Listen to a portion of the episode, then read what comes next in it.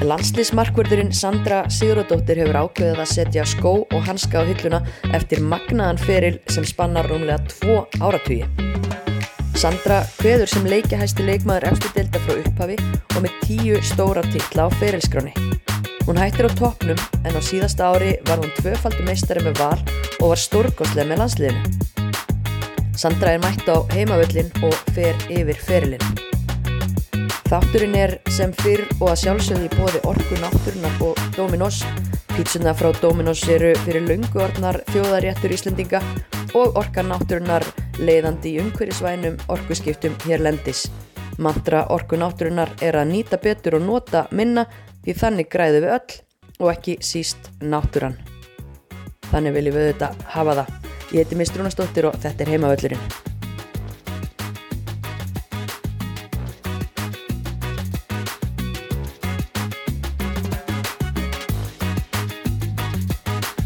Sandra, velkomin á heimavöllin. Takk fyrir. Hvernig ertu? Bara, bara sko. Já, já, þakkarlega. Þokkaleg, já. Náttúrulega bara fyrir réttur um mánuði þá kemur tilkynning frá þér um að þú sett hætt í fókbólta. Hvernig er þessi mánuður búin að svona líða fyrir þér? Mm, mér finnst smá eins og sé lengra síðan en mánuður en, en hérna hann er bara búin að vera alls konar. Um, já, þessi svona fyrsta vika og tvær eftir, eftir í tilkynna þetta var bara svona svolítið já, til, tilfinningar úsipanni eila, ef ég á að segja eins og er. Um, þar sem að já, ég fór á millið þess að vera bara vissulega mjög sátt við þessa mjög svo erfiðu ákvörðun en líka alveg kannski sjá eftir henni stundum eða svona efast, ég ætla ekki að segja sjá eftir henni en svona hvort ég hefði já, bara verið að gera rétt sko. Þannig að, já, þetta er bara búið að vera alls konar. En, en svo er ég bara búin að vera svona að reyna að finna eitthvað jafnvægi í, í lífinu og tilverunni sko. Mm -hmm. Og einmitt, tekur þetta ekki bara tíma, þú veist, einmitt, alltaf ef og hefði og, og hvenar er punkturinn og ekki, verður ekki bara tíminn einhvern veginn að leiða það í ljós? Jú, ég held það, ég held að ég hérna fái svo sem ekkert svona frið í sálina fyrir en eftir kannski bara ári ef, að, ef ekki meira sko. Um, ég held að hérna ég sé ekkert alveg búin að átta mig á þessu núna strax veist. jú, mér finnst alveg skrítið að vera ekki að fara á fókbaltæðingar, mér finnst það mjög skrítið en, en að samskapi er ég bara búin að fá að vera svona bara, já, hvað ég segja, frjáls án Mhm. þess að það hljómi eitthvað illa sko, en bara stjórna mínu æfingaprógram sjálf og, og hérna svona minna stress einhvern veginn í, í kringum mig uh, svo held ég þetta ég eftir að aðeins að skella á manni bara í sumar þegar að dildin byrjar og allt hafri í kringum það að vera ekki með og, og nú er náttúrulega eru landslistelpunar úti. Og ég veit ekki mér finnst það mjög erfitt að vera ekki það sko, það skrítið. Þannig hérna, jú ég held að þetta ára verði bara alls konar sko. Já, það verður svona vera eins og að, einmitt, þetta er eins og orða bara sjálf í píslinum sem að þú setur á samfélagsmiðla að tala bara um að þetta sé bara eins og allra erfiðasta ákvörðun sem þú hefur tekið. Mm og það kannski, tímapunkturinn segir kannski ýmislegt um það hversu erfitt var ákveða. Já, já, já, hérna um, ég er svo sem komið inn á það einhver starf í veitilum að jú, ógeðslega erfið ákvörðun þú veist, og, en að samanskapi er þetta eitthvað svona sem er alveg búið að poppa upp á síðasta árum um, veist, þegar þú ert búin að vera í þessu í, veist 30 pluss ár, skilur ég er búin að æfa Mhm. fókbalta frá því að ég var 5 ára eða eitthvað um, alltaf kemur að því að endanum að, að svona passjóni mingar og, og, og svona maður bara mjög að fara að langa að gera eitthvað annað. Þetta var bara svona hægt að vera eins gaman. Mm -hmm. einhvern veginn, ég veit, ég veit ekki alveg hvernig ég að útskýra það. Út af því að veist, ég er smá ennþá að býða eftir að ég fara á æfingu. Þú veist, mér finnst svona eins og einhver, einhver þetta smetla fingri og það bara, herri já, það er æfing. En það er ekki að fara að gerast. Mm, mér finnst ókslega gaman í fólklega sko, ég saknaði þess alveg. Mm. en já, þetta var eitthvað svona já ég, bara, það gerist eitthvað inn, innra með manni sko Þannig að veist, bæði framlengdir við val í desember og varst í rauninni nýkomin af Algarvi með landsliðinu. Þannig að Mhm. hvar, hvar var til dæmis hausinn þar þegar þú varst út á veist, hvena kemur ákvörðinin sem að þú tilkynur svo um hana í byrjun mars? Mm, sko, ég náttúrulega var alveg bara svona í einhverjum rússi bara með þetta fyrir áramót. Um, ég aldrei tekið svona langt frí eða sem sagt svona off-season ég hef alltaf verið bara í rauninni tilbúin til þess að mæta veist, seasonu klárast að fá allir pásu. Við erum aldrei, aldrei langað að fara í pásu alltaf bara vilja æfa, halda áfram og, og svona. En þarna bara skellurinn alltaf þarna í, í Portugal var bara harkalur, það var erfitt sko. Mhm. og hérna, já, ég þurfti bara aðeins að kúpla mig út og gera eitthvað annað og, og svona hugsa og um, var alveg efins en, en veist bara erfitt að sætta sig við það. Maður sé kannski komin á annan stað að, að bara shit, alltaf ég fara bara að hætta veist, Mhm. þannig ég var alveg að reyna og ég veist, rætti þetta alveg bara náttúrulega fólki mitt, eða fólki í kringum mig og, og hérna, jú, jú, alveg Pétur og, og svona bara vinkunum mína sem hafa verið fólkta og já, já. Um, og ég ætlaði alveg að reyna og þess vegna skrifaði ég undir og svona bara, ok, jú, ég tek hann að slag og já, veist, fór að efa eftir árumót og eins og sé, mér finnst ógeðslega gaman í fólkta, það var ekki málið, sko það er bara einhvern veginn svona þessi, það var, þetta snýrst svolítið um þessa bindingu, sko Mhm. um, Já. Já. Þetta tekur náttúrulega bara gríðlega tíma og, og hérna maður er búin að velja það í öll þessi ár að leifa þess, veist, bara tímanum sínum að fara í þetta og ég sé ekki eftir hver einustu, ein, einustu myndu sko. Mhm. en svo eins og ég segi, bara kemur einhver tímbútur það sem er bara svona oh, veist, ég get ekki meir sko. Nei. og það er bara erfitt að sætta sig í rauninni við það að vera þar sko. en fyrir náttúrulega í þess að landslisferð ég er bara rætti þetta við Steina veist, hann vissi alveg að, að, svona vissi alveg að ég var í þessum hugleðingum um, er samt alveg þannig típa að ef ég tek eitthvað af mér þá veist, vil ég bara gera það vel og er alveg svona ólinn þannig að hérna veist, sagði hann bara ég mun, ég mun bara performa og ég mun leggja mig fram og vera í þessu við heilum hug sko.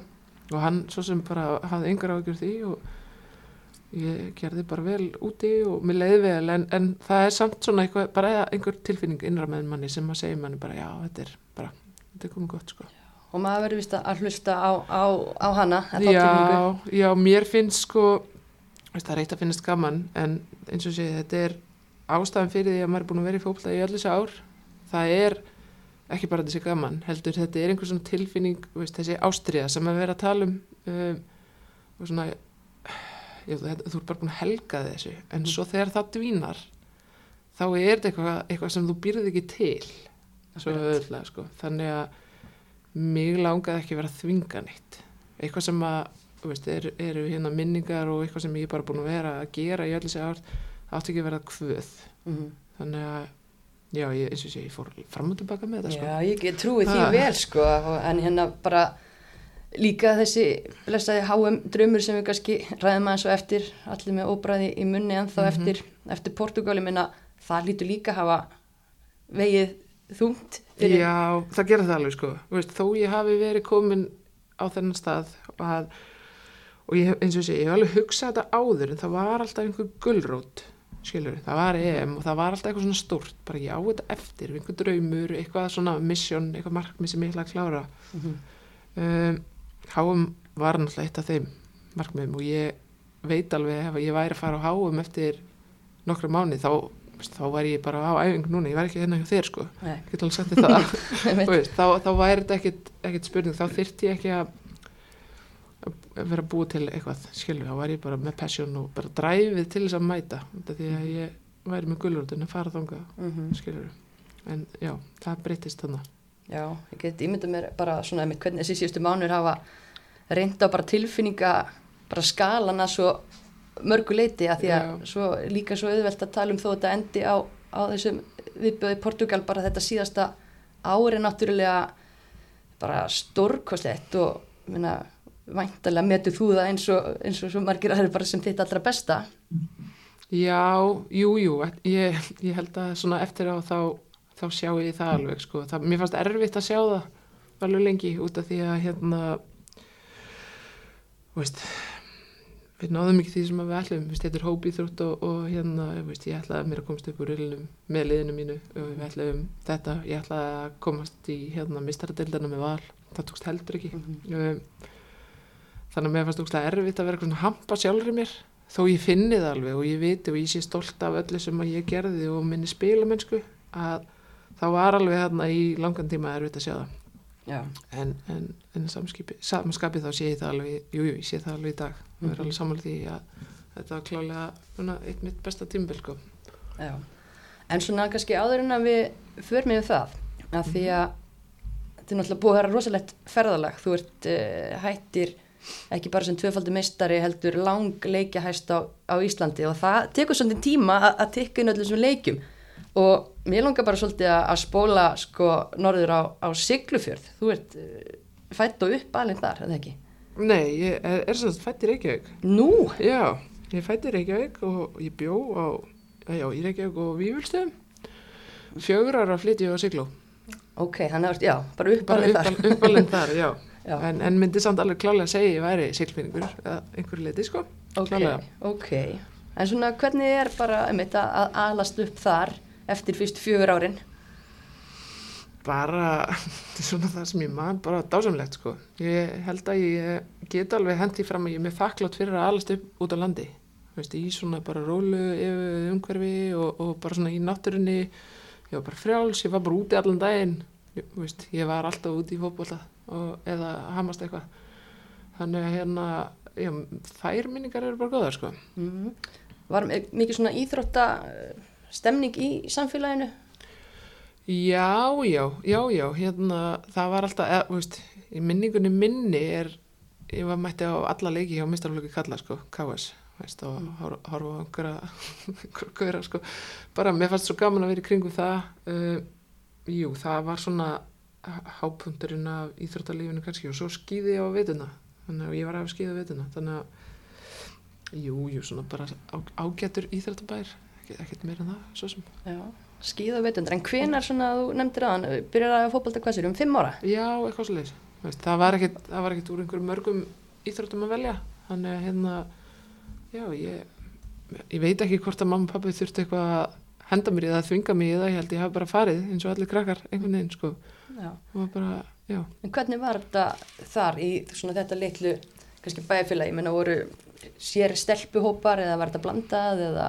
Mm, þetta var blandað, held ég, svona mest megnis að, í yngri flokkunum, já. Mm. Já, já, ég, ég, veist, ég var rosa mikið af með strákunum. Hvort það var bara ég eða all- allar, ég veist, svo sé ég, ég man það ekki alveg. En svo náttúrulega, veist, komu, komu alveg hvernaflokkar þegar að, hérna, við vorum komnar alveg í 5. fjörða, þriða flokk, sko. Mm Og vorum alveg ágættar, sko. Ég nefnilega, þau voru alveg nokkar kempur, sko. Já, nefnilega, við vorum alveg, já, já, já, vorum alveg, svona, síðan þegar vorum komnar svona annan flokk, mistarflokk, þá vorum við alveg fjórar sem að, veist, fórum og kerðum hann á milli, sko. Mm. Fór lengra. Hvenær verður markmaður? Svona, hvenær,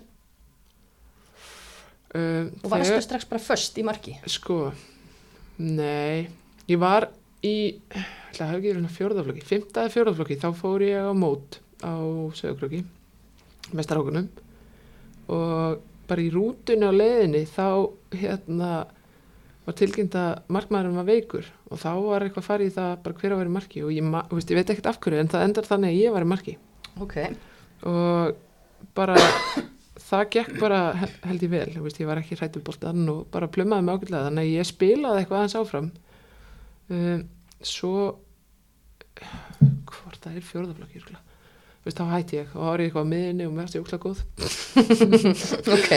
nei, nei, en ég var samt alveg ágætt sko. uh, en svo þegar við fórum stórum vill þá, uh, veist láta bara í hugum upp að ég færi mark bæði gata eitthvað og var stæst held ég sko og svo náttúrulega bara í framhaldinu því var ég tekin inn á einhverjum svona úrtaksæðingar og U17 og eitthvað svona þannig að Potential í, í stúlkunni á Siglufyrði. Já, það var eitthvað svoleið sko Já.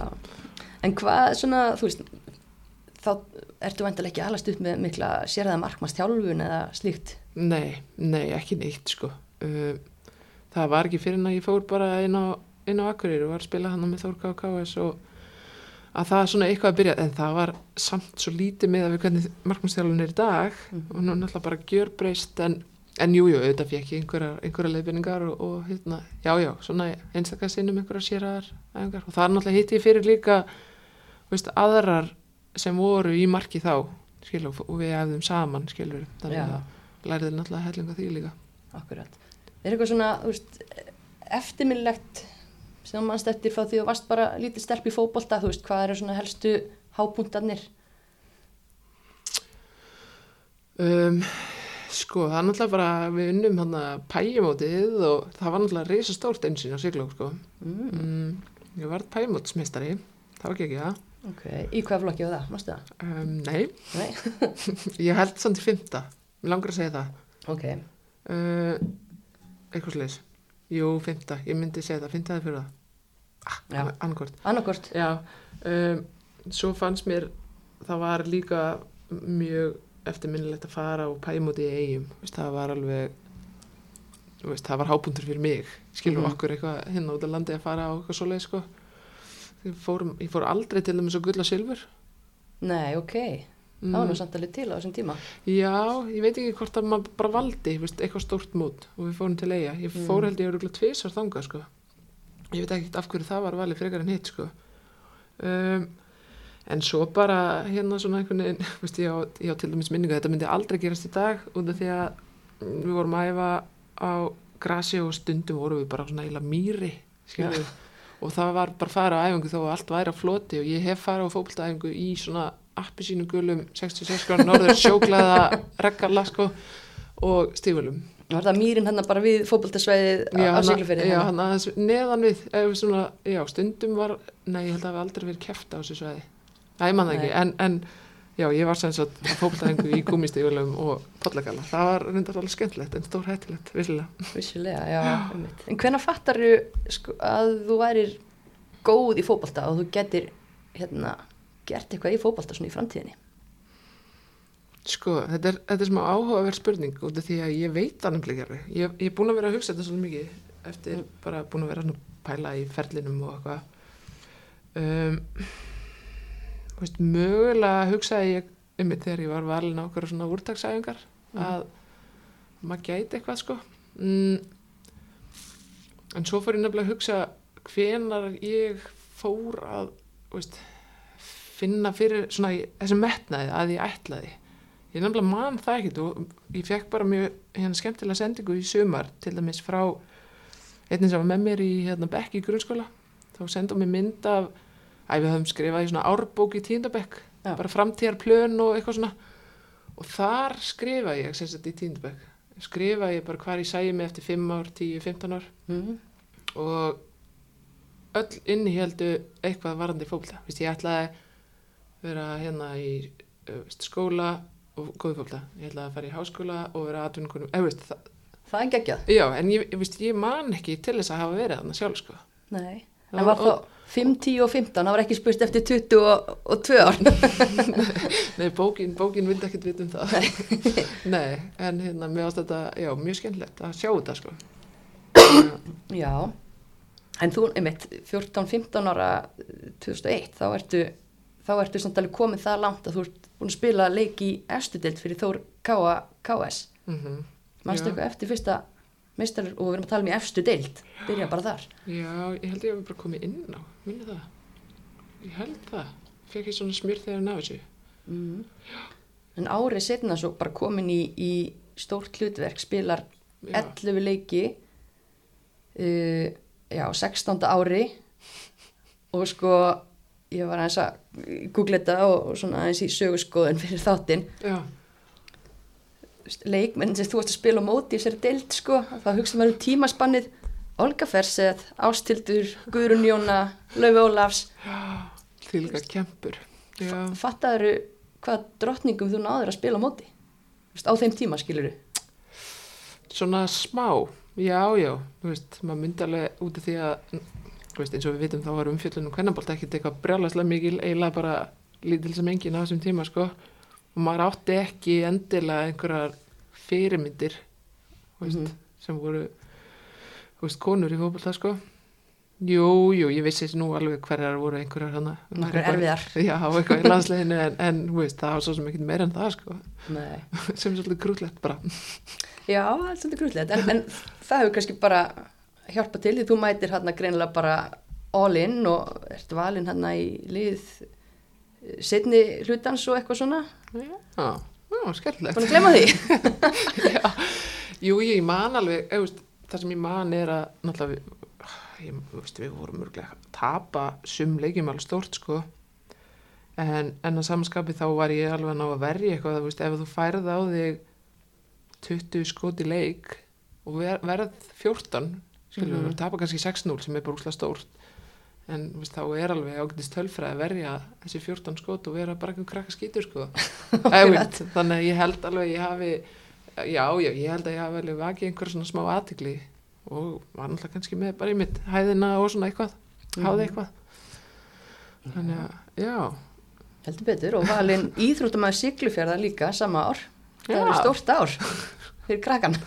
gaman að fá svona brefið Það ekki? já, já, ég man alveg eftir að hafa að hafa fengið þann titil, það var mikil heiður en ég myndi svo sem ekki alveg hvernig það var Nei, það var 2002 get ég sett þér sko. ok, takk, fyrir það Veistu hvað gerist líka annað 2002? hvað, Þá spilaru fyrstu yngri landsleikina. já Norðurlandamótið í U16. Manstu eftir því? mm, hvar var það? Ertu með það þannig? Ég er ekki með það fyrir fram mig en það var á Íslandi. Er það? Ég get svo sverða, jú. Jú, já, já, já, já, en ég bara kom, var, ég held ég að vera varmarkað, kom bara eitthvað inn á, er það ekki? Ég Uh, langar að segja það. og Jú, ég allavega held leiki. það. Ég held ég að vera á yngra ári, já, ég held það. en, Jú. en, en bara farin í það umhverfi, svona, mannstu eitthvað eftir því, þú veist náttúrulega búin að vera á einhverjum útasæfingu með þessum stelpum, þú ert náttúrulega ekki í neinum grín árgangi, Harpa Þorsteins, Margit Lára Hallbera, Mm hvernig var að hitta þessar stelpur sem ert búin að keppa móti? Það var bara, í minningunni gegja, jú, ég held ég að mynda mér á tinnu mark, ég held að hún hafi verið líka í þessu lið, getur ekki verið? Alveg öruglega, hún og eldra, já. Ég held ég sé ekki rugla þegar ég segi þetta sko, en og sé það er aðeins fara, hérna, komið smá rík yfir þessar minningar sko. Já, ég, ég skil það vel, ég var bara að reyna að undirbúa mig Já, sko, hann er já, er bara eins og. Excel-skjál með, með ártölun sko, en, en hérna, en svona þú veist, bara, bara velta fyrir sér bara úr, frá siglufyrði og svo að vera komin inn í landsleis umhverfið, þú veist, hvort að þú munir eftir að það hafi verið einhver svona, einhver breyting, en þú varst kannski bara farin að upplifa miklu stærri hluti þegar þú ert orðin partur á mestarálfsliði, þannig að þetta var kannski ekki eitthvað, Já, ég man samt alveg að þetta var, mér fannst þetta geggja, þú veist, ég man alveg þegar að ég var kannski bara, nei, ég get ekki gert þetta um helgina út af því ég er að fara í bæin, ég er að fara úr dagsæfingar eða, þú veist, og ég var að hérna, ég ömmu og afa og það var, það var svona hafari í kringum mig, þessi ætla að skulda mér æfingar, þessi ætla að sækja mig, ég gísti það, þú veist, það var alltaf svona alveg púsl og mér fannst þetta ógislega spennandi og mér fannst þetta alveg merkilegt, skilur við. Mhm. Þetta var alveg klárlega svona uh, hvetjandi og, og gaf mér alveg byrjundir báð fættir sko, ef ekki, eða hvað maður segir, já, skilur til þess að halda áfram, það er alveg klálega sko. mhm. Þannig að, jú, mér fannst það alveg ekki, sko. Já, en svo, já, þú ert þarna, þú veist, svo þrjú ár á fyrir norðan að spila þar með meistarflokki. Hvað kemur Mhm. til að þú, hérna, söðlar um og skiptir yfir í stjörnuna? Herðu, við fjallum úr efstidild. Ég held að við tapað í umspil á móti Ía. Já. Um, Já, umspilið var alltaf á þessu Já, tíma. ég held að ég sé ekki að ruggla neitt sko. Uh, en allan við fjallum og þá voru alveg ég veist, lið hérna einmitt á höfuborgsvæðin sem að þú veist, höfðu sambandi við mig bæði mm, langar að segja breiðableiku sín tíma og, og IBF og eitthvað, það var heimir með IBF Mm. um, svo var hann Kalli að þjálfa stjörnuna og hann er sem sagt, yngri bróður Jónsar sem að var að þjálfa Þór Káa þeir tölu saman og, og ég bara tek það ákvörðun, já, fær stjörnuna þar var, fannst mér bara tækifæri fyrir mig ég held að Þóra hafi verið breyðblik þarna og já, þetta var, já, ég skoðaði þetta allt saman vel og vandlega og endaði í Garðabænum og já, sé ekkert eftir því sko Nei. En hvernig var eh, bara aðlöðunin, bæði, þú veist, bara að flytja heiman og svo líka fara í nýtt, nýtt umhverju og nýtt lið? um, sko ég var ég var eiginlega ekkert búin að búa heima síðan í Tínubæk sko uh, ég fór í heimaðist þess vegna var ég náttúrulega bara vetuna á Akureyri Mm -hmm. og svo sumar eftir fyrsta ári fjármálskóla þá bjó ég á Akureyri fór bara svona af og til heim Já, ok. þannig að ég er rauninni eins og segi, mér fannst ekkert mál að búa ekki heima Nei.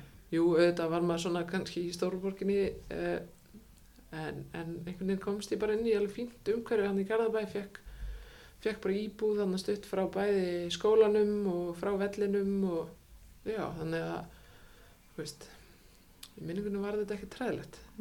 Stórt og æfintýri og alls konar, en, en bara svona, já, átti líka á eldri bróður sem að var mikið að passa upp á mig og ég fór mikið, til að maða og svona, þannig að það gekk allt saman upp, sko. Já. En hvernig var tekið á mótið þér í stjórninni? Bara mjög vel, sko, mjög vel, já. Og hérna, já, bara mínar bestu vinkunur, já, úr bara stjörninni. Þannig að, hérna, Ert náttúrulega þar bara heil lengi, hvað, 11, já, 10-11 ár. 10 ár, já. já. Og yfir hennan gullaldar tíma. Já. Og ég menn hlýtur að vera magnað að, ég það voru ekki besta liðið þegar þú skiptir hann yfir, en þið verðið Nei, besta við ná, náðum bara að, að byggja upp og náttúrulega verður alls konar breytingar, bæði hérna þjálfara breytingar og leikmenn hættu og, og svona bætt, bætt í liðið. Mm. Þannig að það var náttúrulega bara gaman að taka þátt í því, sko. Já. Og ég náttúrulega bara læriði heilan helling á að vera hana, sko. Frá því að vera, einmitt, ekki endilega með markmannstjálfar og stundum þurfti ég að stýra æfingu sjálf með hinn markmannum og eitthvað og svo bara fá góða, góða markmannstjálfur, sko Mm og þar kemur inn til dæmis þjálfari sem hafa bara mjög mikil áhrif á minn feril sko, og hjálpaði mér mikið. Hver er það? Það er hérna Andris Ellert, hann er kannski ekki hinn hefðbundni markmannstjálfari, það var stundum bara á æfingu í, líku í gúmistígulum sko, Jú, jú. það er þetta að googla hann og þá, þá kemur upp mynd, en um, hann svona kannski tekur mjög stórt skref, svona fyrsta skref í bara mikilli breytingu hjá mér sko, og hérna, já, gerði heilan helling Já. mig sko. Já. Gaman, gaman að heyra. Hvað er að frétta honum í dag? Ertu ykkur í bandið við kallinn? Nei, ég hef lítið hýrt í honum eftir að ég skipti úr stjórnuna á sínum tíma, því miður sko. Já. En, en svona hef hýrt af honum annars lagi. Ég held að hann sé ekki að þjálfa í dag sko. Nei, Hann kennari upp í, hérna, Mósusbæ held ég, Já. var, varmaskóla. topp maður. það- heldur betur. Góð, góð típa, sko. Já, áhugaverð típa, Já. ekki, ekki allra, en, en við náðum mjög vel saman og, og hérna, já, hann gerði heilan helling fyrir mig sko. Akkurat.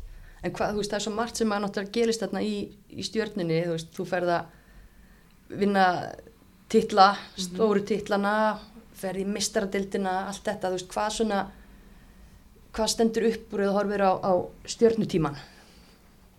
Það er náttúrulega bara auðvitað þessir stóru, stóru titlar sko, fá þá inn í, inn í félagið og, og svona einhvern veginn bara hvernig við hópurinn sem var þá, sem er einmitt þessar, þessi vinkonuhópur, þú veist, í dag, um, þú veist, að ná því, það, það er bara svona reysa minning sem margir bara í hjartanu alltaf. Um, en svo náttúrulega voru þessi, þessi mistaradildar æfintýri alveg, veist, að vera þannig að þetta er ykkur þrjú ár sem við förum en einhvern veginn alltaf fórum við til Ústlands Einmitt, þið voru alltaf í Rúslandi. já, og mér finnst það eitthvað voða vafsamt og loðið sko en, en það var vissulega æfintýri út af fyrir sig sko þó, þó höfum ekki komast áfram og eitthvað. En, Nei. En hvernig var það einmitt? Þú veist, þið voru, ekkert að spila í eitthvað stórborgum heldur, voru þið ekki svona bara eitthvað hér og þar út um, út um já veist, ég hef einmitt tvís að farið í einhverja borg sem ég hef aldrei hýrt nafnið á áður. Veist, einhver svona skítu yðnaða borg í um, veist, við Úralfjöll sko, lengst inn í Rúslandi sko. Um, það var alveg sérstakt það var það. Og ferðalagi var hellað sérstaklega eitt skipti. Við fljúum við til Finnlands og tökum einhverja næturlest yfir til Rúslands einhverja 14 tíma eða eitthvað. Já, veist, það er svolítið hella, það myndi ekkert vera þannig í dag, skilur en það kannski voru svona minni peningar í þessu þarna. Það, já, já, það var alveg það var æfintýri og einhvern tíman, við heldum þegar við vorum að fara tilbaka, það átti ekki að hleypa okkur um borð út af því við vorum ekki með útprentaða miða, við vorum samt alveg með gögnum það að við ættum, ættum þessa miða en þetta endaði þannig að, að hérna, fimm mínútum áður en lestum fyrir stað kemur hérna lestastjórin og bara yes, you can come if you pay ah, þá þurfti bara hérna að skella cash í, í hannum og það bara allir inn, allir fyrir farangur og all, allir í stressi sko og svo bara við að ah, múta sér heim til Íslands. það var svolítið þannig sko Einmitt, það er já, það breytir tímar allavega hvað var þar svona skipla og, og annað og náttúrulega þetta meiri peningu komin inn í meistardildina hefur vantilega bara verið áts í veskið alltaf að fá Rúsland upp úr hattinum. Já, já er þó að þið hefðu komist áfram að, vantilega hefði það aldrei komið að ferðarkostnaðin á þessum tíma Nei, örgulega ekki. Ég er svo sem gerir mér ekki eins og grein fyrir því hvaða upphæðir voru þá og eru núna, skiluru. En, en, nei, það var, það var náttúrulega var bara alls konar fólk í kringum klubin sem hjálpaði til með, með svona held ég, sko. Já, Það sé alveg, alveg klárt. já, mitt En var og, og hérna, allavega á þessum tíma að, ótrúlega svona solid uh, stemning hérna í Garðabæn og mikil svona samstaða og alltaf margir leiðtógar sem að voru í þessu stjörnuleiði og, og bara svona konur sem má bara kalla eila lím bara því að maður hefur séð svo bara hvað er að gert annars staðar til dæmis að vísa eins og Áskeri Stefaníu og, og annað. Bara er ekki, þú veist, hva, hvað tók tíma náttúrulega að byggja hennan kjarna? Og þú veist, þetta er alveg uník Já, það tók tíma og, og veist, eins og gengur gerist í, í svona liðum og með nýjum þjálfurum og áherslum að þá, þá var þetta alveg alls konar, þetta, þetta gekk ekkert svona snuðru laust. Ég man að hérna, það kom og urðu einhverja breytingar hann að þjálfurum og, og veist, það kom bara þjálfar sem bara fóru að breyta og, og einhverju ósættar ekki og, veist, einhverju hættu og það var alveg drama, gæstlafir, skiluru um, en, en svo bara eh, lærir fólk svo mikið af því og svona já, bara með nokkrum árum og smá púsli þá myndaðist bara svona góður kjarni sem við beðum bara svolítið í kringum. Fengum náttúrulega hann að þú veist, alls konar útlendinga skilur líka, Mhm. þú veist. Bara eins og bara dæmi sem ég hef held ég talað um áður einmitt, þegar Adda og Dagga spiluðu saman Já, skilurðu. einmitt Dagga var bara geggjuð í fótbolta skilur mm -hmm. en hljópun, nei. Nei, Adda gerði það bara veist, og Dagga bara Adda, I score, you run, skilur Já. og það bara virkaði út af því Adda bara algjör vinnahestur og einmitt káferaði bara allt fyrir hana. Mm og þegar það small saman skilur og fólk sætt, hvað ég segi, sætti sér við að bara fann hluturki sitt á svona þjálfarunum skilur að púsla saman þá, þá gekk það vel upp sko Líka svolítið áhugavert sko að skoða hvaða þjálfarar voru með þetta stjörnilið. Þeir eru Mhm. um að tala um gjöráleika típur, um að tala um, veist, hvað, Óla Guðbjörns, Mána og Láka, Já, veist, þetta er ekki bara svart, hvít og grátt, veginn Jú. svona, Máni náttúrulega kom hann inn og, og svona eins hræriði held ég í veist, það er eins og að það svona eftir að hafa það bara átt að vera hans hlutverk, ég held að hann viti það alveg sjálfur að hann er ekkit besti fótballtaþjálfari í heimi, þú veist Mhm. það væri svolítið stór yfirleysing hjá honum sko. En hann vissi bara sitt svona element, þú veist, hann bara með munnin fyrir neða nefið og hann var bara úslega góður í að mótivera okkur Mhm. og svo bara svona aðeins hræðan í hópnum og, og hristi til og svona já, hvað, á ég að segja? Bara svona hreinsaði til, getur maður sagt það? já, já, án, ég, án þess að ætla að vera eitthvað leðileg með það, skilur en hann bara svona aðeins breytti. Já, og, og hérna þannig að kannski aðri kom inn eða einhver hætt, eða já hann svona þorði að gera kannski hluti sem ekki no bullshit gæi Já, og, bara já. þorðið mitt og var eiginlega alveg drull, kannski, algjörlega þannig sko og hann ætla bara að garba einhver, hann ætla bara að gera þetta fyrir klubbin sinn, skilur Mhm. þannig að hérna góð grunur. Já, hann svolítið byrja og svo bara svona eruðu breytingar eftir það, skilur. Mm Alltaf koma inn hann að tveir mjög færir þú veist, Láki er náttúrulega bara útrúlega klár og, og fólkta heili og svona í svona alls konar vinnu og svo er náttúrulega bara Óli reynslu bolti og, og líka mjög klár í fólkta. Þannig að hérna, já, það er bara svona gekk allt upp hjá þeim, sko. Ykkur af þessum, uh, hvað, sex titlum, þrýr Íslandsmeistara og þrýr byggarmeistara sem voru svona eftirminnilegri heldur en aðrir. Mm, sko, ó, það er þetta, þetta með ártöl og svona Ertu með árin? Mér langar að segja Guð. 2012 Já, ég er ekki með árin akkurat fyrir fram að mig, en hérna, þú veist, það er þá vantilega ekki fyrsti, það er, Nei, æ, ég eins og ég segi, er alveg ferleg sko já. Um, en hvað gerðist þetta? Ég skal googla þetta meðan, hvað hérna, hvað gerist þetta tíumbil sem að verður til þessa að það sé eftirminnilegast? Það var annað eitthvað tímbil þar sem við bara, veist, við unnum alla leiki sko og fengum okkur ógeðslega fá mörg og bara það svona gekk einhvern veginn allt upp Já, þau voru bara svona invincibles. Já, já, en ég man ekki hvað ár Nei.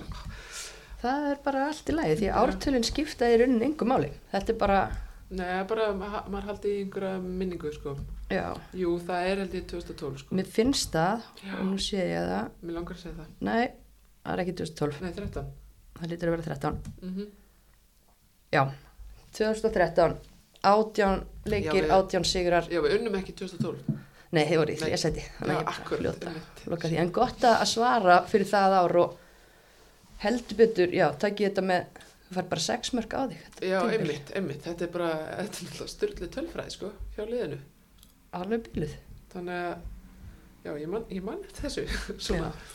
Þetta var ekki ekki. Þú fær sex mörg á þig, Harpa Þorsti skora 28, Einmitt. tanka 16 Þetta var Já, Þetta var alvöru. þetta er, já, 2013, þetta er, þetta er styrlað ár, sko. Það er það. Já, Já. ég skil það vel En Mhm. hérna uh, í millitíðinni eða ekki þá Mhm. hafður þú söðluðum og fórst til Svíþjóðar Já, 2011. 2011, já. Hvernig ákvæmstu að, að prófa það? Góð spurning. Ég held að mér langaði bara að prófa og hvort að einmitt, það var bara haft samband við mig, sko. Jú, jú, þetta var alltaf draumur að, að spila Erlendis og, og já, ég ákvað bara stökk á það. Mm Um, sem að var, varð ekkit, ekkit langt stopp, vissilega. Um, Nei, Já. endar hérna í okkur svona leiðindum. Endaði í smá leiðindum, já. Um, sko, það var ekkert allt, alls slæmt þarna, en, en, veist, fóklarlega sé allt í lagi liðið bara svona, þetta var lítill leila svona sveitaklúpur í litlu, svona, utan við Gautaborg, þú veist, í. Ítex í Já. Möndal, já. Auðvitað náttúrulega bara var gaman að fara og, og ná að spila eitthvað annað í sænsku deildinni en, en það var bara svona smá veist, þegar þú ferð svona flytur einn og það er talað um einhverjar greiðslur og svo var það bara bras og um, ég var bara, mér var hendi í einhverja svolítið hefi vinnu. Það var einn af eigundum klúpsins átti hringgerningarfyrirtæki Ok. og ég var að vinna við það að þrýfa hús í Svíþjóð fyrir bara dags og svo fór ég beint að Eða, veist, þetta það var bara svona var alls konar hluti sem bara gengi ekki upp og greiðslur og, og já, mér fannst ekki þessi virði að vera eitthvað svona ströggla skilur þannig að hérna, ég vildi bara koma heim og, og hérna þá varð bara náttúrulega smá vesen í kring það það mendaði náttúrulega bara með því að þetta fór til FIFA og Já. þeir bara, herru, hætti þessu kjæftæði þetta er bara hérna stendur hérna svart og hvítu skilur Mhm. Þannig að já, þetta varð stutt stopp. Mm. En sérðu eftir að hafa farið? Nei, nei, nei, nei, æfst, það þýðir ekkert, skilur við. Mhm. Um, ég náði að upplega, veist, að fara svona út og, mér fannst það gaman og ég, veist, eignast vinkunur og já, já, náði að, að sp- spila þar en, en auðvitað ég alveg vilja að þetta gengið upp betur og sá alltaf fyrir mér að gera eitthvað annað og meira en Mm gerði það bara heima. Já, akkurat. En um þetta er samt ekki einstæmi, maður hefur hýrt um þetta áður frá atvinnu konunum okkar að það sé verið að, að selja eitthvað allt annað sem að eh, heldur en það sem kemur síðan í ljósa að sé í bóði. Já, maður hefur alveg séð það bara með svona almennt þegar, uh, veist, já, ungt fólk fyrir í aðdunum, sko, grasið er ekkert alltaf, alltaf græna hinum einn, sko, en ég vona samt alveg heilt yfir að þetta sé að breytast, skilur þetta er náttúrulega, er að komin, hvað, 12 ár síðan, Mm það er alveg slatti, þannig að ég vona að þetta, að þetta sé alveg búið minga, að, svo, að, veist, leikmenn sé að lendi í svona, sko. Já, það hlýtur eiginlega að vera, en manni finnst samt, ég menna það er ekki það mörg á síðan ári ekki Berglind Björg og Arna Sif í einhverju, stappi og manni finnst stutt síðan það var en svo Já. eru kannski alveg fimm ára eitthvað síðan, man, að því að þetta rennur allt saman í eitt greit, sko, en Já, já, en ekki það, svo náttúrulega bara um, er við sem konur allstæðar í heiminum, eða knaspinu konur eða íþróttakonur bara yfir höfu farnar að gera náttúrulega bara meiri kröfur og, veist, eigum ekkert að láta vaði yfir okkur, hvort sem það er með peninga eða eitthvað annað, skilur við. Ég meina, ef við erum að fara út og spila og, og í, ætlum okkur eins mikla hluti og bara strákar, þá bara verður, verður þetta ganga eins og hjá þeim mm og við verðum að setja kröfur og það verði þannig. akkurat, Ég held að þetta sé alveg, eins og sé, þetta er alveg að lagast, sko. já, ég menna, F- Félögin vilja það líka, held ég. þú ætti nú að vita að vera, verandi búin að taka, já, 21 ári í fullanins fótbolta og hlýtur að sjá einhverja breytingar. Já, já, alveg, alveg klárlega, alveg klárlega, bæði, svona ef við skoðum bara fókbaltan út í heimi og svo, svo hérna heima, sko. Margt breyst, miklu betra, en auðvitað má alltaf betur fara, Mm klárlega. Hvort horfum maður að það sem svona, ah, djúðlega er geggjað ef að minn fyrir að byrja tíu árum setna þannig að ég hefði kannski notið betur þessara hérna, ekki, ekki fríðinda en svona þessara kosta sem að hinnar og undan unnu fyrir eða ertu stolt að því að bara hafa verið kannski að taka þátt í harkinu svolítið? Ég er alveg stolt af því, bara að hérna, já þegar ég svona horfi á bara að sjá, sjá hvað ég hef gert og, og, og, og hérna allar stelpunar í kringum mig, bara svona, já, vinnan og baratan sem við hefum unnið, sko.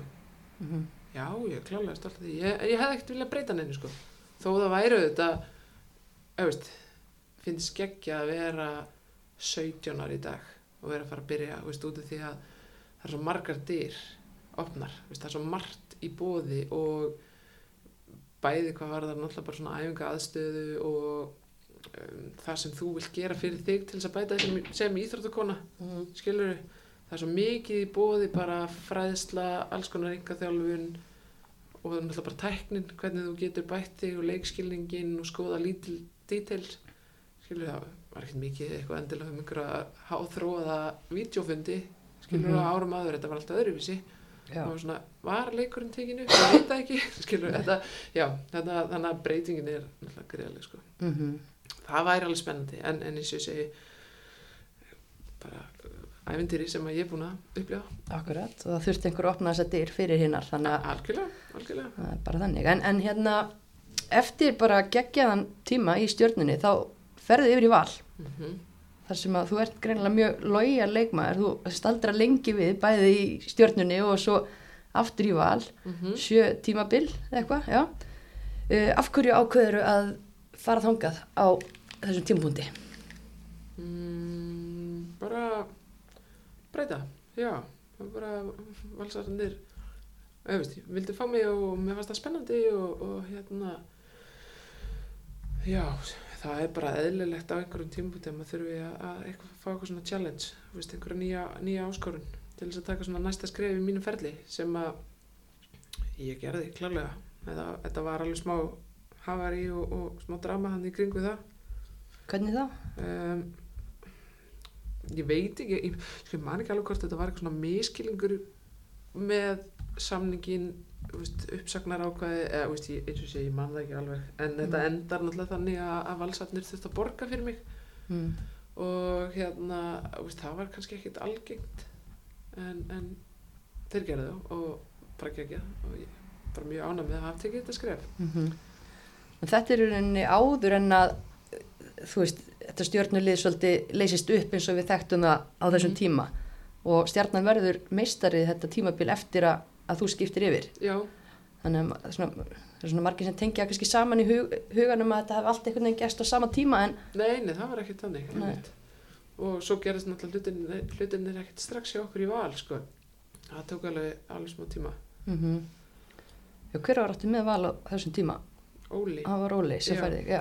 Já.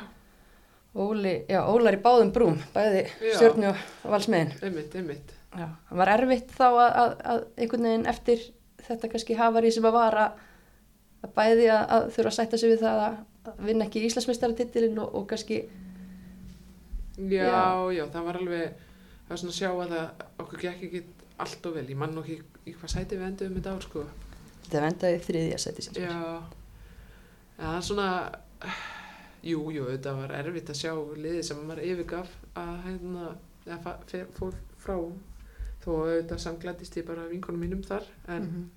já, já, en veist, þetta er bara svona, skilur. Já, já.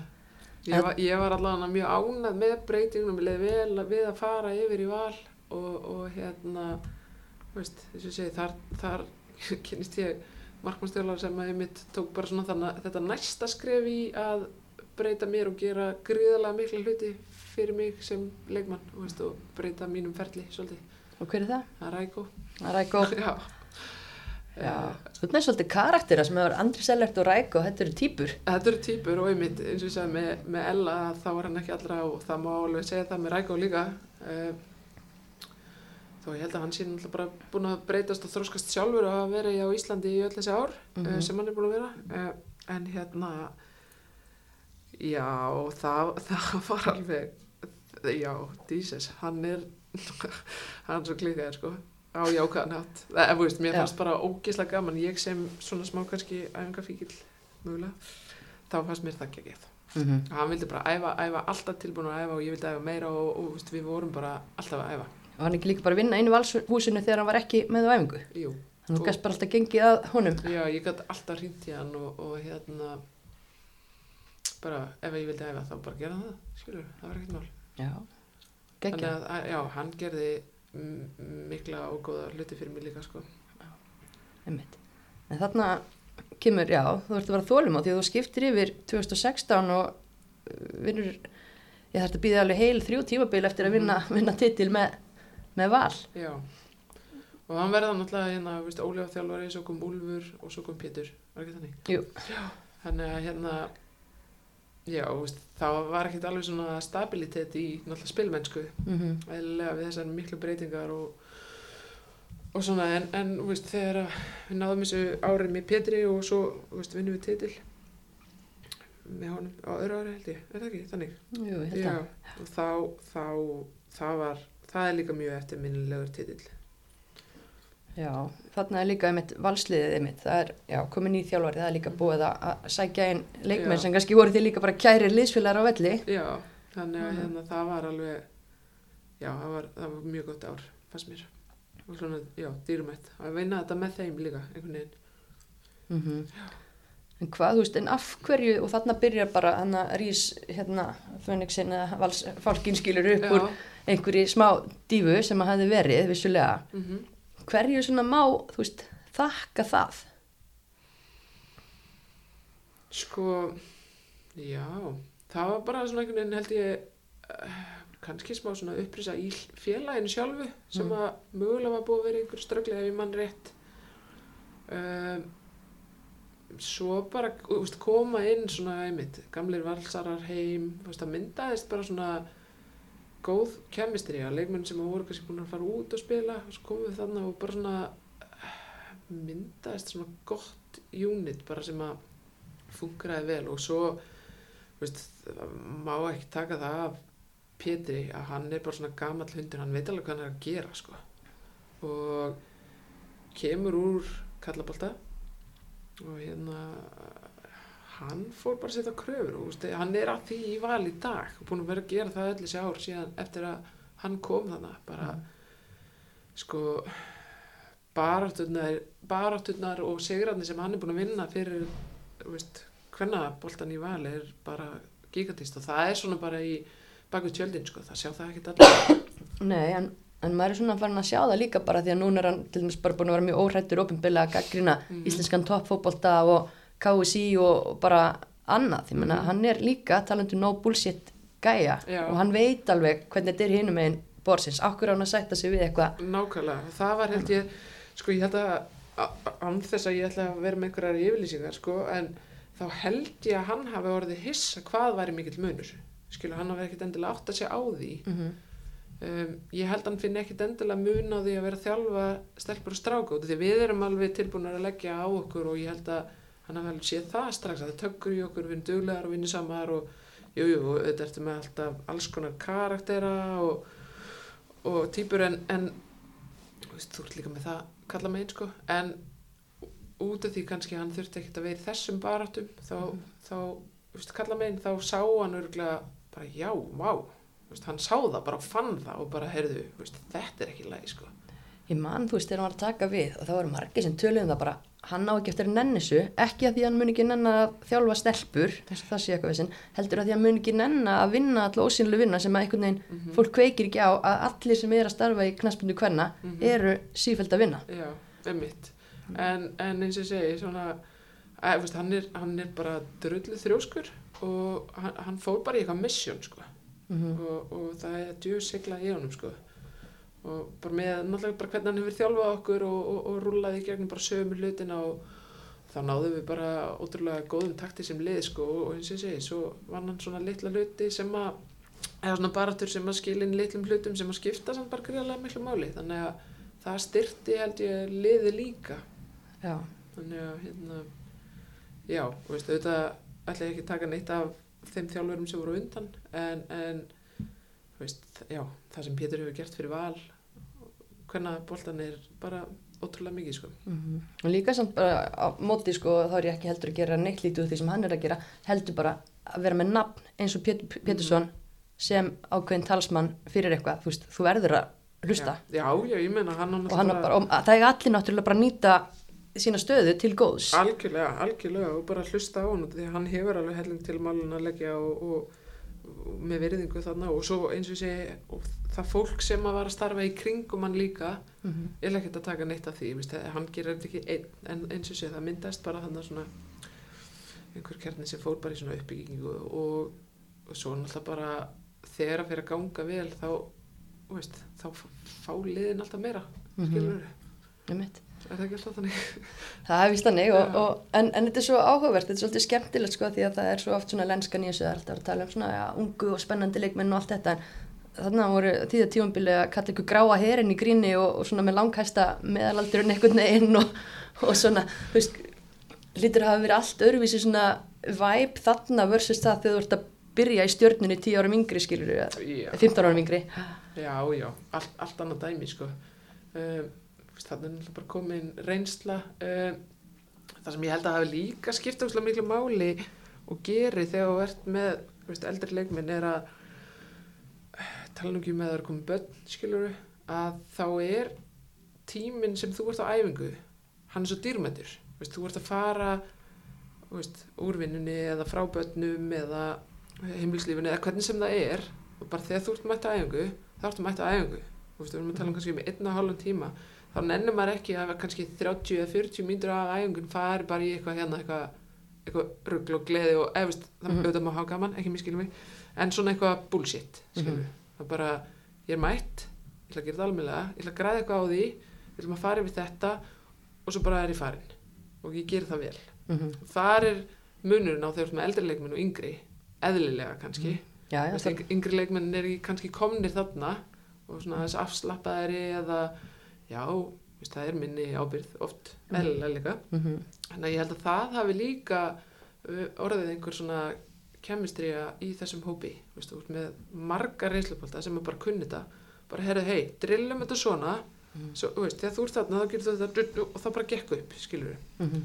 þannig að það klárlega vann með okkur Þú veist, aldur er bara tala en reynsla og gæði það, það er eitthvað sem að hjálpa okkur, mm -hmm. klálega algjörlega og hjá val þá verður þú þrísasinnum Íslandsmeistari og einu sinni byggamestari mm -hmm. talaður um að, fyrsti titillin hann hefði verið ansi sætur Já. en er þetta toppa síðasta tímubil?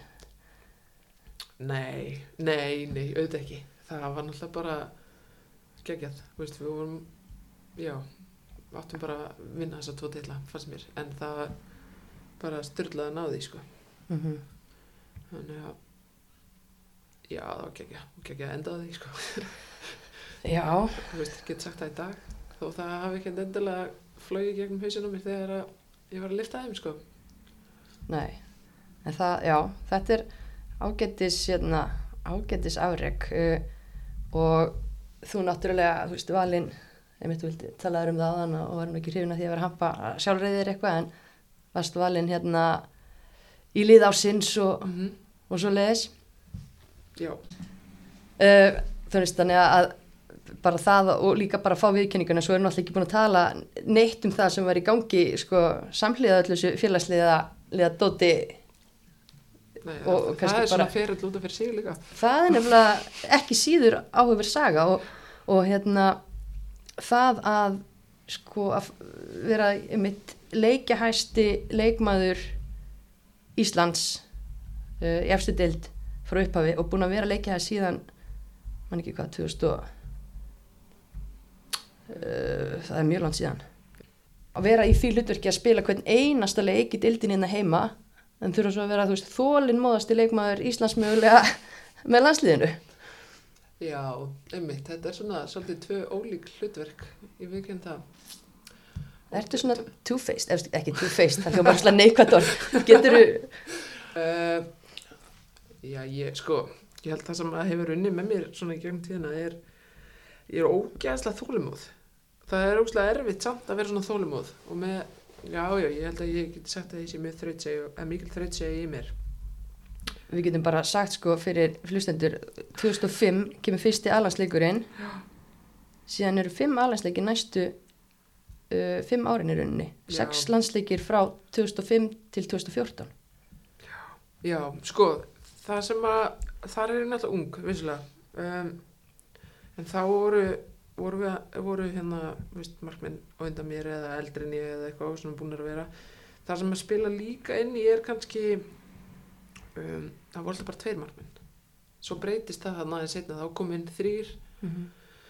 Svo náttúrulega bara það sem hefur breyst hjá landsliðunum um, í dag versus þá er að þjálfarar eru bara að leifa leikmennum að spila landsleiki skilur Mhm. eins og ef að þegar við fórum bara dæmi núna á hérna pínatar, veist, núna bara landslið þá er spilað þrý leikir og allir markmennin spila leik Mhm. þetta er bara eðlilegt í dag og hjá nánast öllum þjóðum skilur, þannig að leikmenn eru miklu fyrirfarnir að fá leiki og það er er alveg eðlilegt mm Mhm. þarft, þarft að þjálfa leikmenn veist, í að spila með landsleiki, gefa þeim leiki reynslu, allt þetta sko Mhm. þetta var ekkert svona þannig og ég kannski var bara að koma inn ef að einhver á mitt eða eitthvað held Mhm. En þú veist á þessum tíma að því að þið gekk alltaf vel með félagsliði já, en einmitt, þú þurftir að sætta þig við það að vera á eftir hérna einn eða tveimur í landsliðinu hvernig var hugsunin gagvart því, var þá bara fókusin meira á félagslið eða varstu, var alltaf markmiðið að verða þú veist, nummer eitt og, og taka þessa stöðu í landsliðinu Já, það var alltaf, það blundaði alltaf af í mér. Ég ætla, ætla að gera það. Um, kannski ekkert eitthvað ótrúlega stert þarna, en jú, jú, jú. Um, en svo kikaði það bara inn setna, sko. Kannski, veit ég, ég sætti maður sig einhvern veginn við það þá að þú veist, þær voru að spila erlendis en ekki ég. Ég veit það ekki. Svona ef ég, ef ég hugsa tilbaka, en, en auðvitað ætlaði ég mér alltaf að, að koma þann inn og bæta mig og verða nummer eitt, sko. Það var alveg klálega markmið. og það er meitt svo gaman að, að, að, tala um að bæta sig ég meina, þú ert bara eins og gott rauðvin þú ert búin að vera að bæta þig núna síðustu ár bara, Mhm. bara því líkt ég meina, hérna, hvernig og þú talar um það kannski í upphafin á þann að nú væri kannski þessi ástríða aðeins að, að, að minka Mhm. en það hlýtur þá að hafa verið bara blúsandi passion þessi síðustu ára að vera bara eitthvað, já ég er hérna orðin 35, ég ætla að vera betri heldur en ég var í fyrir því 34 ára, eða þú veist Já, já, já, ég veist eins og ég nefndi hérna á það er svolítið svona all-in típa og ég er æfingafíkil þannig ég, já, ég æfiði bara mjög mikið og svo þegar maður verður svona eldri og þorskaðri þá, þá lærir maður að tilenga sér það sem að veist, hendar og það sem að bæði veist, líkamlega og svo bara það sem að það er leitvinningar sem þú ert að fá. Mm Þannig að hérna, ég held að, ég, að mér hafi tekist ágætlega að um, já, til einhver bara nýta það, það, þá kennslu og þjálfun sem ég var að fá ásamt því að, að ég tel mig bara hafa hugsað mjög vel um mig Mhm. almennt bara í lífinu bara um, lifa bara svona heilbröðum lífstíl og, og, og svona já, bara setti mér markmið og, og lagði helling á mig ég ætla ekki að taka það að mér þannig að hérna já, þú veist, aldur, bara tala en bara bætti svona lítið latri og svo ætlaði ég alltaf bara að vera í besta forminu sko. þegar Guðbi Gunnars hættir 2019 þá færðu séns svona alvöru mm og svona virðist bara ekki hafa litið til já, baka. Já, hvernig var það bara tilfinningin að, að svona, bara að þetta geti verið mómentið að grípa? Bara góð sko. Um, náttúrulega árinu undan veist, með fullri virðingu fyrir veist, bæði henni og öðru, bara öðrum markminu sem hafa verið í landslinn þá ef ég oft hugsa bara, nei, mér finnst ég betri mm. skilur, svo er þetta alltaf, bara einn þjálfari eða tveir eða þeirri sem velja Mm. þannig að hérna mér fannst ég alveg vera komin þangað og hefði alveg komast þannig inn fyrr eins og ég segi en, Mm. en þegar að koma að því að þá fannst mér um, fannst ég alveg verið búin að vinna mér inn þessa stöðu, þetta snýrst ekkert bara um það að hún hætti, ég, ég held að ég hafi verið búin að vinna mér hann inn, Mhm. ég ætla allavega að lifa Mhm. bara út frá því. Já, já, auðvitað en, en, bara, en, en hérna já, var bara fannst mér á góðu rönni og já, já, bara klár í þetta fannst mér. Mhm. bara eins og segi loksins.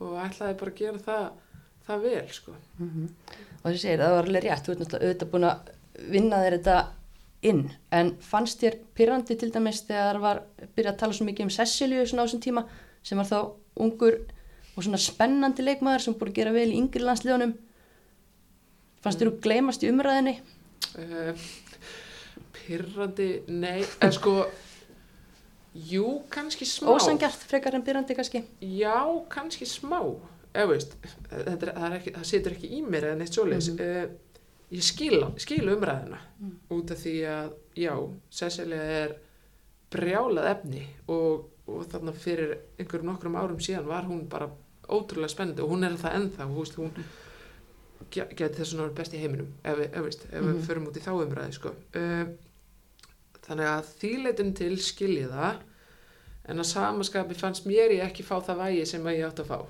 skilur, en svo get ég ekkert stýrt í hvað fjölmjölar tala um eða, eða hver umræðan er í samfélaginu. Ég, ég leti þetta ekki, ég reyndi að láta þetta bara ekki pyrra mig heldur bara nýtt þetta bara Mhm.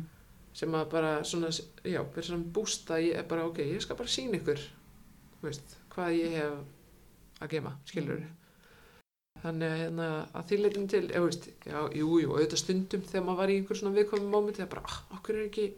En svo bara hann ítti ég til liðar og fekk bara mér er að segja bara leiðbynningar með það, sko. Já. bara ekki láta þetta trubla þig. Mhm. sjáðu bara þú, veist, sjáðu hvar þú ert hvar þú stendur, veist, hver ástæðan er fyrir því og nýttur það, skilur Mhm. algjörlega. Þannig að, já. En hvað svona þú byrjar að- spila þessa landsleiki. Það var einhverju svona leiki sko áður en að kemur að þessu fyrsta stórmæti sem þú færð að spila á sem að voru svona leiki sem að þú heldur sérstaklega upp á í minningunni eða eitthvað svo leiðis svona eins og í undankefni eða eitthvað? Já, bara um, ég man alveg eins og í undankefni þegar að við vinnum Tjekkland um, já, hérna heima. Mér fannst já, ég var bara rock solid. Það var óslega leðilegt veður. Um, við vinnum 4-0 vorum ekkert volað góðar samt sko. Þær voru meira með boltan og áttalega fín færi þá fann ég svona já mér, mér, það er svona leikur sem að ég er svona eh, mann, ég er bara herri ég er á, ég er á réttu, réttu róli. Jú, leikur á múti Svíþjóðina heima, ég var ágætt, við töpum samt skilur Hollandi, já, ég bara svona ég komst bara á hvað skrið fann bara, ég er á stað sem ég á að vera á og liði vel með og þá veist, það var ekki svona eitthvað óöryggi eða, veist, ég var ekki að hugsa um það. Ég var bara, ég er bara fyrir að spila alveg eins og nálgast það alveg eins og ég nálgast leiki með val sem maður á bara að gera. Mhm. um, þegar þú ert í samkemnistöðu eða svona, og ert ekki, ekki alveg örug með stöðuna þína þá hefur það auðvitað áhrif á kannski spilamennsku. Þá ertu að hugsa mikið um það að ah, shit, ég ætla ekki að gera mistök. Ef þú fer þannig inn í leik, það er ekki vanlegt til árangus þannig að einhverjum tímapunkti þegar ég er bara búin að fá tröstið til þess að vera nummer eitt þá, þá fór þetta ég þurft, ég ætla ekki að segja, ég þurfti ekki að sanna neitt maður er alltaf að reyna að sanna sig meira og meira en þú hefði trú á því að, að þetta væri klappa á klárt ef að hausinn á þér væri bara já, ef ég bara spilaði minn leik Já. að þá væri staðan mín það væri bara mínum höndum skilur Mhm. þannig að þegar að ein, eins og ég segi, þessi ró kemur svona innra með þér og bara öryggi og þá bara svona ferði ég eitthvað flæði sko. þannig að Já, búin að vera geggjuð í þessari undankefni fyrir EM og farið svo inn á EM og þar varstu líka búin að vera þólum á því þetta er fjórða móti sem þú ferð á já, og fyrstu mínúturnar sem þú tekur en, en þú heldur betur tekur þær allar þessar mínútur. já, já, já, ég held að sé alveg hægt að segja það sem eftir á að, jú, jú, ég geti bara verið sátt, sátt við mitt þar sko ekki spurning Hvernig fannst þér, þú fjast aðtigli og, og þú veist, fólk var að spotta og tölfræðin var með þér líðið það var hérna bara mikil umfjöllun, eðlilega. já, Hvernig finnst þér það að vera í svona svisljósinu? Uh, það var það var alveg skemmtilegt sko ég er alltaf alveg að vera ekki um það þó að ég vilja ekkit endilega vera eitthvað hérna, þú veist, Mhm. miðbútur aðteglunar, þá var það samt alveg gaman og í staðan fyrir að láta það eitthvað svona trubla mig eða stíga mér til höfust og nýtti ég það bara sem búst bara, já ég, ég náði að njóta þess getum við ekki sagt það? Jú. Jú, ég held það. Ég leiði mig bara svona eiga, eiga þessi moment og, og fannst mér kannski bara, uh, veist, eftir einmitt öll þessi ár og þessa baráttur og eitthvað, bara eiga þetta skilið, sko. Hvernig svona örstutt uppgjör á þessu EM-móti að því að þú, þú getur ekki sagt annað en að þú sért ánað með þitt persónulega framlag auðvitað já, Ísland fer ekki áfram upp úr riðlunum Mhm. fólk talar um vombriði en svo reynið að líta á Björtu Hljöfna líka enginn tapaði leikur og eitthvað svona. Hvernig horfir þetta við þið núna þegar þú ert búin að líta í baksinn í speilin Um, þú veist, auðvitað er ennþá svekkilsi, eins og segi, við ætlum klálega að komast upp í röðlunum og mér fannst við alveg eiga það skilið, en þú veist, íþróttir eru bara, geta verið stund svo brútal. Þú veist, við gerðum alveg fullt, ef við gerðum ekki alveg nóg. Mm og svo bara hvernig svona önnur úslit einhvern veginn fóru, veist, þetta bara svona spilaðist svona, þetta bara, þetta var svona stöngin út svolítið, sko. -hmm. Uh, jú, jú, þetta er alltaf hægt að dæma einhverja hérna, veist, spilamennsku og, og veist, sitja og ho- horfa í sófanum og jú, jú, við heldum ekkert boltanum eitthvað alltaf vöxla vel, vorum ekki að leysa hérna uppspilið og getum, það var hægt að ræða þetta alveg fram Mhm. tilbaka sko, en veist, vinnuframlag, það er fullt sem hefur breyst hjá liðinu, veist, við erum alveg búin að fara yfir með þjálfurum yfir ákveðna hlaupatölur og, og svona eitthvað alls konar sem að e- ekki það fókbalti snúst bara um hlaupatölur en mm. veist, leikmenn lögðu sér fram og það sem að mér veist alveg jákvæmt er að það er óslega, allir óslega fúlir Mhm. það sýnir bara hvað okkur langar veist, hvað metnaðurinn er mikill og kröfunar á liðið og okkur sjálfar skilur við, Mhm. maður sá það svona bara með leikmenn sem að spila bara á, á hái leveli og auðvitað ætlum við allar áfram Mhm. þannig að vonbriðin voru mikil skilur við, Já, en eins og sé stundum bara fyrir þetta svona Mhm. Það er líka komið að, að því aðan þetta er svona kannski súrsætt og erfitt að vera að tala um eigin hérna, framistuðu þegar að einhvern veginn niðurstaðan verður vombriði og Mhm. þá náttúrulega bara verður maður að halda áfram og tala um blessa undankefnina fyrir HM uh, þó náttúrulega bara leik lífsins í samt ógeðsluðustu niðurstöðu einhvern veginn í heimi þarna út í Hollandi. Getur það þá, ertu, ertu tilbúin ertu komin á þann stað núna í dag að þú getur svona hugsað um þessa leiki og bara einhvern veginn svona bæði þennan og Portugalsleikin Já, ég hérna, uh, það kom moment einhvern tíðan þar sem ég bara settist í sófan og ég horfði á þessa leiki, sko. Ég gerði það. ok, Um, ég þurfti bara mjög ofta í þetta pásu og svona stoppa og bara eitthvað, shit, sko. En ég varð bara einhvern veginn, ég var með svo mikið óbræði munnum og í sálinni og já, og veist, þessi, ég, veist, ég hef upplað mótlæti, ég hef upplað alls konar, skilur í lífinu. En ég held bara, veist, þetta sé eitt erfiðasta moment sem ég hef á æfinu upplifað og ég er ekki að grunna, sko, og mörgum sem að, það veit, fólk er bara, þetta er bara íþróttir, en veist, þetta er svo miklu meira en það, sko. Veist, þetta var bara líf mitt, sko. já, já Uh, já, ég veit ekki hvað ég segi við þetta er þetta var ógeðslegt það var ógeðslegt og maður er búin að, ég er búin að hugsa svo oft hvort það er eitthvað sem ég hefði eitthvað svona lítil moment í leiknum hefði ég átt að býða þrjár sekundur í viðbútt gefa frekar þarna, eða veist, maður er Mhm. búin að spóla þetta alls konar. Veist, átti ég að fara út í þetta, veist, ég veit Já. ekki, skilur Nei, einmitt. uh, en svo, Þú veist svo út af því að já, þú veist, leik lífsminns já, já, getur vel verið, skilur jú, jú, ég var úslega góð, ég veit það. Mm. en skiptir bara engu máli, bara engu nei, skilur, maður það líka að það er skára að tapa 5-0, sko. Já, það er eiginlega, líklega. Já, eftir að hekja Já. svona upp á sálina sko en, já en já uh, og svo bara því miður held þetta já, heldur þessi vonbrið landslýsins áfram uh, Mhm. furðulegt umspil eða bara ósangjart umspil já, sem að tapast út í Portugal framist að liðsins í þeim leik og náttúrulega bara ekki góð þú veist. Það er svona gekk ekki upp bara smöllum ekki einhvern veginn. Já, ég ætla ekki að taka neitt af Portugal samt sko, en, en hérna já, við, veist þar vorum við kannski bara sjálfum okkur veist sko. Mhm. um, jú, jú, þetta er klárlega uh, hefur það áhrif að missa leikmann út af, það gerir það. Uh, sem að mér fannst vera ránt um, en samskapið, veist, þá kemur svona power í okkur og við jöfnum og eitthvað. Svo er þetta bara erfitt sko. Mhm. um, þannig að já, veist, eins erfitt og það var að tapa þeim leik þá gerist það ekki þremu sekundum með eitthvað fyrir leikskóla skilu það bara já, það er svona allt öðruvísi upplifun Mhm. mm, Ég er náttúrulega bara ógæsla svegt uh, að að við höfum ekki náð að klára Hollandsleikin. Vist, við, erum, við erum að tala um hann einhverja 90 sekundur skilur Mm -hmm.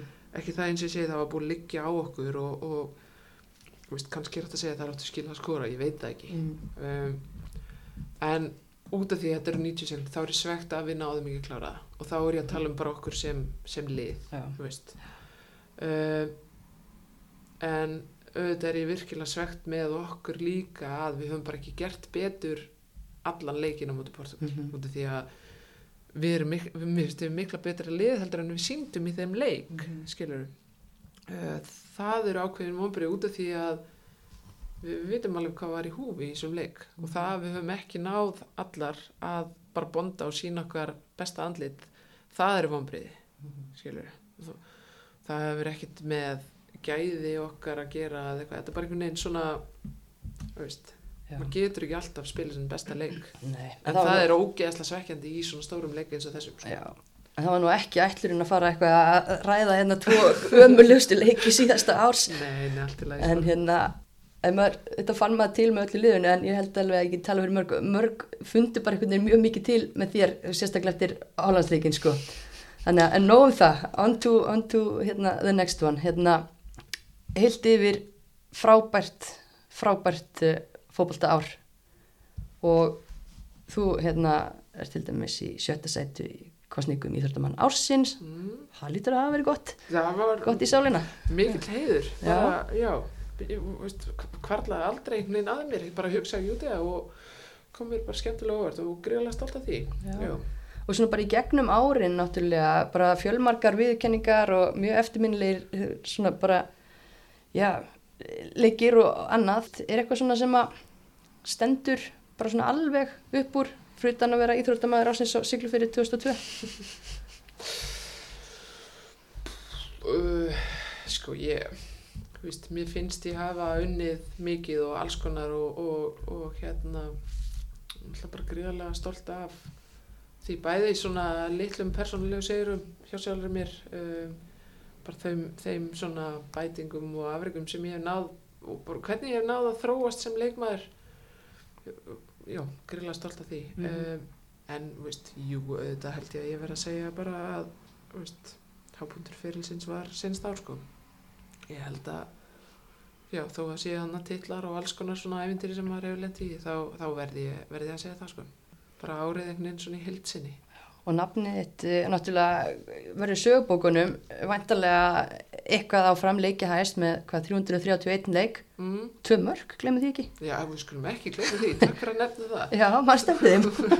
Það eru tvei viti þetta er tvö viti, já, voruð örug ja, sjálfsög, Já. í fínu vitasketta þá ég segi sjálf frá sko ok, já, það er gott það er hérna, nú fara lið náttúrulega að keppast um að reyna að fá þig með á, á pollamóti þannig að það er gott að þetta fylgir með það. Það, það er strax byrjað, ég get alveg settið það er það ekki, Jú, ertu, jú, jú. ertu búin að semja? nei, Nei, Nei. býttu aðeins og haldu öllum heitum þangað til læst moment og já, ég er bara hver býður best. Það er bara þannig. Já, leikja hæst, það lítur að vera eitthvað líka sem að þú getur verið virkilega stolt af. Já, já, ég er það, þú veist. Náttúrulega þróast þannig, ég spila svo mikið á Íslandi, þannig næ ég þessu, en, en líka öll þessi ár, mér finnst það ekkit sjálfgeðið, sko. Nei, Þannig að hérna, já, mér finnst það bara ótrúlega skemmtilegt og, og já, vonandi bara held í því, þessi leikja á þetta. já, Málfrýr Erna Sigurðardóttir, hún er í öðru seti, Mm, eða hún er næsta eftir þess, já, Mhm. og hún er með 50 leikjum minna, ok, hún ætlar að vera með í sumar, sá ég, já, hvað eru marg leikir? þurft að taka 2,5 tímabili viðbútt allan heldur til að ná þér, kannski tekið frá skona ef hann fer að, fer að narta í hælan á mér. Nei, þú veist af því eftir, eftir tvö ári eitthvað Ég fylgist með þessu. Já, ég myndi gera það. Lítum aðeins til framtíðar í hinni hliðin á fótbolti.net árið 2007 sagði þú að hérna, livjafræði væri nú líklega eitthvað sem að þú myndir stefna á Mm og að vera í kringum boltan. -hmm. Þú ert ekki livjafræðingur í dag. Ja, he- heldur betur ekki heldur betur ekki, nei ég, hérna, ég fór í lififræði, sant? Þú gerði það? Ég gerði það Já, já, ok. Ekki, þetta var ekki far-off. Nei, nei, nei, ég fór í lififræði um, bara, veist, eitt ár kláraði ekki eins og eitt ár, held ég mann ekki um, en endaði síðan sem sjúkraþjálfari þar fann ég mig mína réttu hillu held ég sko. Og ert að fíla það? Já, mjög, mjög, bara ótrúlega skemmtilegt og fjölbreytt þar og, og held að bara ég sé ágæt í já, þannig að bara mjög skemmtilegt og, og, og svona íþrótta miðað eða svona heilsu, heilsufars miðað þannig að já, ég er bara klálega sátt við það. Ok. Og sagði líka að ætlaði að vera eitthvað áfram í kringum boltan Mhm. ertu eitthvað svona velta því fyrir þér Já, já, ég ætla að svona, ég er náttúrulega bara svona aðeins að, bara ná, ná ró og yfirvun og, og hérna, en svo hef ég alveg, veist, það hefur alveg karlað að mér að, að vera eitthvað í þjálfun, markmannstjálfun eða, eða taka vinkilin að vera sjúkarþjálfari í kringum liðið eða landsliðið eða eitthvað. mm. Þannig ég held að ég get alveg svo sem plöma mig í báðu. Ég þarf bara svona að sjá hvernig, hvernig það þróast og hvað kemur í hendurnar á mér, sko. prófa að taka eitt sumar kannski bara fókbalta laust nema úr stúkunni eða sofanum Já, ég held að, held að svona stefni allt í það. Ég held að ég hafa nú bara gott af því, veist, ég hérna, bara svona, já, eins og segi, finna þessa ró, sæ, sætta mig við orðin hlut og, og hérna, bara, já, bara prófa að gera eitthvað alls konar annað. Ég hef aldrei tekið söfri, sko. nei, það, það er mjög skrítið Já, ég, þú veist, ég veit ekki alveg hvað ég er að fara að gera söfri, sko. kannski endar bara hérna með hlaðvarastátt bara, hver veit Hver veit, aldrei sé aldrei. En já, eins og segi, ég er bara, ég farin að hjóla á fullu og að finna mér golfkennara og aldrei að vita ef ég fara að keppa í einhverju. pínu hættulegt samt, þú ert æfingasjúk þú ert með, þú ert með svona tvö træp þú ert með golfgelurnar, þú ert með hjólagelurnar Það Þú- er sko, það er alveg svona verið að potið mér að segja mér að ég ætti að prófa að keppa í hjóluröðum. ok, Hvort ég gera það, veit það ekki, en mér finnst gaman að hjóla, þannig að við sjáum til. já, það er spennandi. Eitt annað sem Já. sagði þér í þessu sama viðtali. Uh, þá sagðistu helst vilja fá pepperjóni og piparost eða skinku og ananas á pítsuna þína. Já, hefur það breyst, veist, hvað er á þriðdagstilbúinu árið 2023 sko, ég, ég borða ekki oft pitchu, en ég myndi setja þetta allt og bara bæta einhverju við, sveppum og alls konar. ok, Já. bara er mikilvægt. Já, Bara- og nú blanda ég þessu bara saman. já, þannig að ef ykkur vil söndur special og dominos þá bara allt. Ekki allt, en klárlega þetta sem þú nefndir. já, ok, ok, og það er, það er mjög solid. Sumarið, uh, þú mynd náttúrulega væntilega fylgjast með. Að styðja val stjórnina eða, eða allan að KS kalla megin kannski Já, það heitir enda KF í dag. já, fjallabiðin Já, já, já. Uh, jú, ég, ég er klálega hérna valsari og, og mun halda með mínu liði í sumar, ekki spurning, sko. Fanny litla tekin, eða litla, hún er lítil, Fanny Inga uh, tekin, já, við Mm stöðunni, hvernig líst þér á hana? Bara mjög vel, þetta er hérna, ég ætla alveg að henda því fram, þetta er markverðar, markverður í Íslandsku. Hún er hérna ótrúlega innbytt á, á það sem hún er að gera og þetta er góð sál, þetta er góð stelpa, mjög svo og hérna með mikla hæfileika og ég held að hún geti náð greiðlega langt ef allt gengur upp hjá henni sko. Mm. Það, bara með, með hæfileika og svona ákveð svona element sem að geta unni með henni að nálat. Búin að kenna henni svona eitthvað af þinni, já, þólimæði eða þínum tryggsum til þess að svona vinna í gegnum mótlæti og annað? Þú veist, já, ég vona að ég hafa alveg náð að skilja eitthvað eftir hjá henni, ekki það að hún hafiði, eða hefur bara svo margt, þú veist, það var aðalega að ég væri bara svona að, út af hún er svo yfirvöguð, að, að ég væri að reyna að hræra að síðan og fá smá trilling í hana, sko. Um, en, en hérna, jú, jú, ég skildi öruglega eitthvað, ég vona það. Ha. En svona bara um það, þú veist, besta ráð sem þú hefur fengið í fótbolta? Eða lífinu sem þú nýtir í? Lífinu, bara, þú veist, heimitt að hafa trú, sko. Getur allt sem þú vilt, sko. Um, já, og svona, jú, hérna þó, ég ætla ekki að fara í það hvaðan það kemur, en það var svona að vera svona auðmjúk, gagvart umhverfinu mínu, skilur. Mm Haldi það, haldi hérna, já. Það er svona hefur hjálpað mér líka, finnst mér. Hljómar eins og, holdráð. Uh, hverju verða Íslandsmeistari í sumar? Ég ætla að segja valur. Já, gott. En, hvað séru fyrir þér með landsliði? Þú ert nú ekki eina kempan sem að hættir Hallbera reyð og væði strax eftir hérna lokileik og EM, Sif Alla, Eli Metta, Sara Björk og nú þú, eru, eru við að sjá bara mega kynsluðaskipti? Það er náttúrulega búið að vera svona hægt og rólega. Jú, jú, þetta er smá breyting núna. Svona stórir karakterar sem hafa, já, en, en málið er bara það sem að þessar ungu, ungu hafa er, það hafa svo margt sem við höfum ekkert endilega. Það er bara, veist, það er að komna svo langt á undan, eftir fyrr heldur en við gerum. Veist, bara, eins og þær sem eru farnar eru hann úti og að spila í náttúrulega bara störtluðu umhverfi Mm -hmm. ég, ég hef engar ágjur að þeim sko. þetta er bara þetta er bara svona samansapn af alls konar en mjög sterkum og svona solid karakterum sem er að koma þarna fram á sjónaspili Eðust, og bara þegar það er að fá meira takifæra bara verður gaman og spennandi að fylgjast með þeim sko. Og þú ert áhyggjulaus.